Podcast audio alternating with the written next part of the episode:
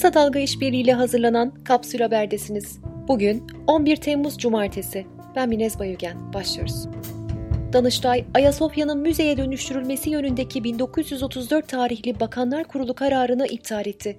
Cumhurbaşkanı Tayyip Erdoğan, kararın ardından Ayasofya'nın Diyanet İşleri Başkanlığı devrini ve ibadete açılmasını öngören kararı imzaladı. Erdoğan, 24 Temmuz'da Cuma namazıyla birlikte Ayasofya'yı ibadete açmayı planladıklarını söyledi.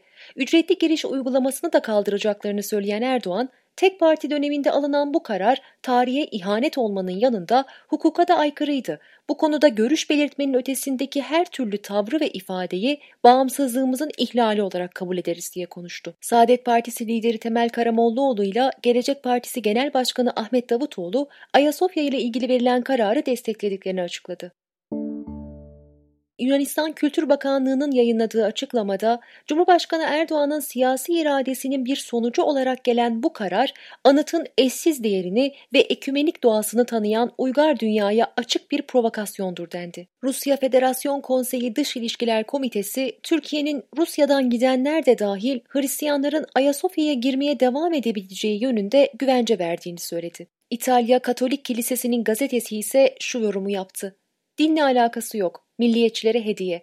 Başkanlık sistemine desteğin bariz biçimde azalması nedeniyle AKP kendini yeniden lanse etmeye ihtiyaç duyuyor. Bu açıdan bakınca uluslararası protestolarda işine gelir. UNESCO'da Türkiye'nin Ayasofya'nın statüsünü değiştirme kararından üzüntü duyduğunu açıkladı.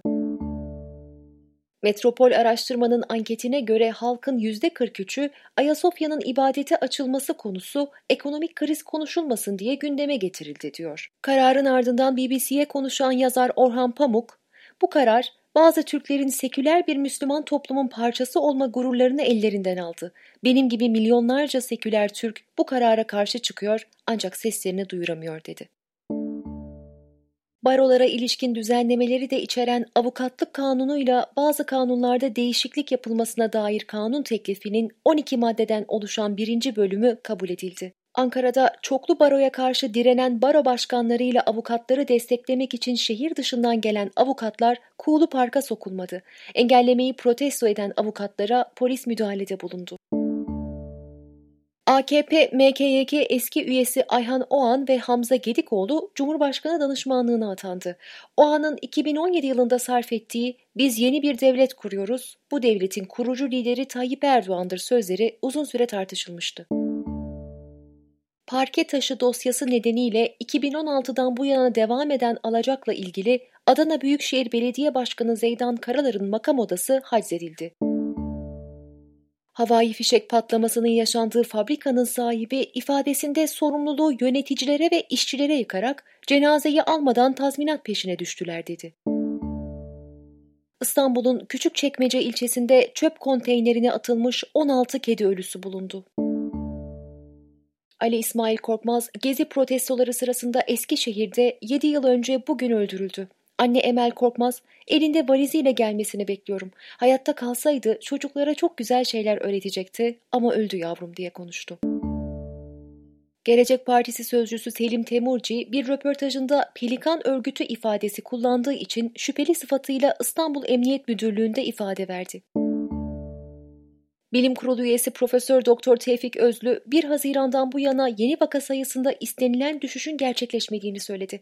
Hastaneye yatanların yaş ortalamasının düştüğünü aktaran Özlü, gençlerde daha ağır vakalar görülmeye başladı dedi. Türkiye'de yoğun bakımdaki hasta sayısı son 2 ayda en yüksek seviyeye çıktı. Dünya Sağlık Örgütü son 24 saatte dünya genelindeki vakalarda 228.102 kişiyle rekor bir artış olduğunu duyurdu. Türk Tabipleri Birliği pandeminin dördüncü ayına dair değerlendirme raporunu paylaştı. Bakanlığın sağlık çalışanlarının durumuna ilişkin 29 Nisan'dan beri veri paylaşmadığını hatırlatan TTB, salgının birinci dalgası halen sürmektedir ve sonbaharda ortaya çıkacak grip salgınının etkisiyle birlikte düşünülmelidir. Grip aşıları şimdiden hazırlanmalı ve ücretsiz yapılması sağlanmalıdır dedi. Türkiye'de koronavirüsün atık sulardaki varlığının araştırılması için devam eden çalışmaya göre atık suda virüsün en yoğun olarak gözlemlendiği il Konya, ikinci sırada ise İstanbul var. 1 Haziran'dan bu yana vaka sayısında artış olduğunu belirten Diyarbakır Tabip Odası Başkanı Mehmet Şerif Demir, son bir haftadır COVID-19 tanısıyla 300'ün üzerinde hasta yattığını, her gün 2-3 hastanın hayatını kaybettiğini söyledi. ABD'de 30 yaşındaki bir doktor hastalığı atlatmasının üzerinden 100 gün geçmesine rağmen COVID-19 semptomlarını göstermeye devam ediyor.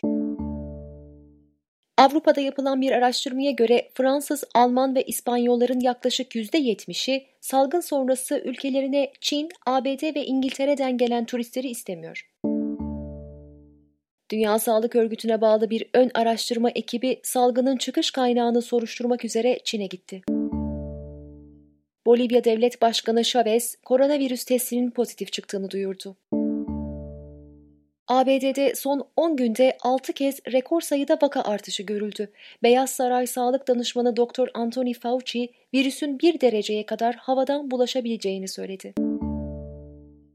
Alman İç İstihbarat Teşkilatı BFV'nin yıllık raporunda Almanya'nın MIT'in odak ülkelerinden biri olduğuna ve Türk istihbaratının odağında PKK, Gülen cemaati ve muhaliflerin bulunduğuna işaret edildi.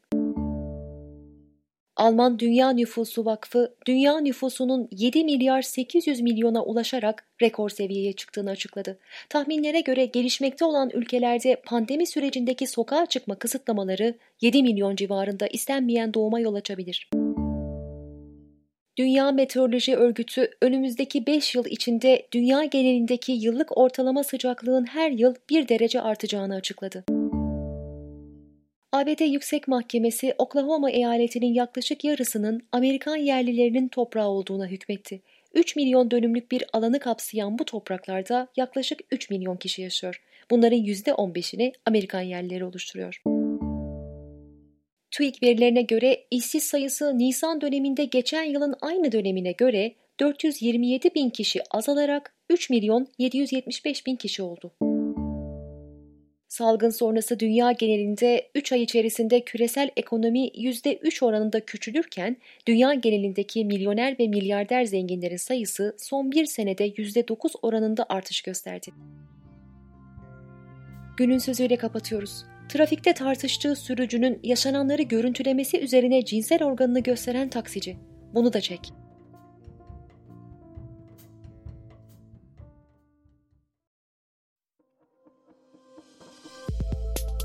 Bizi Kısa Dalga Net ve podcast platformlarından dinleyebilirsiniz.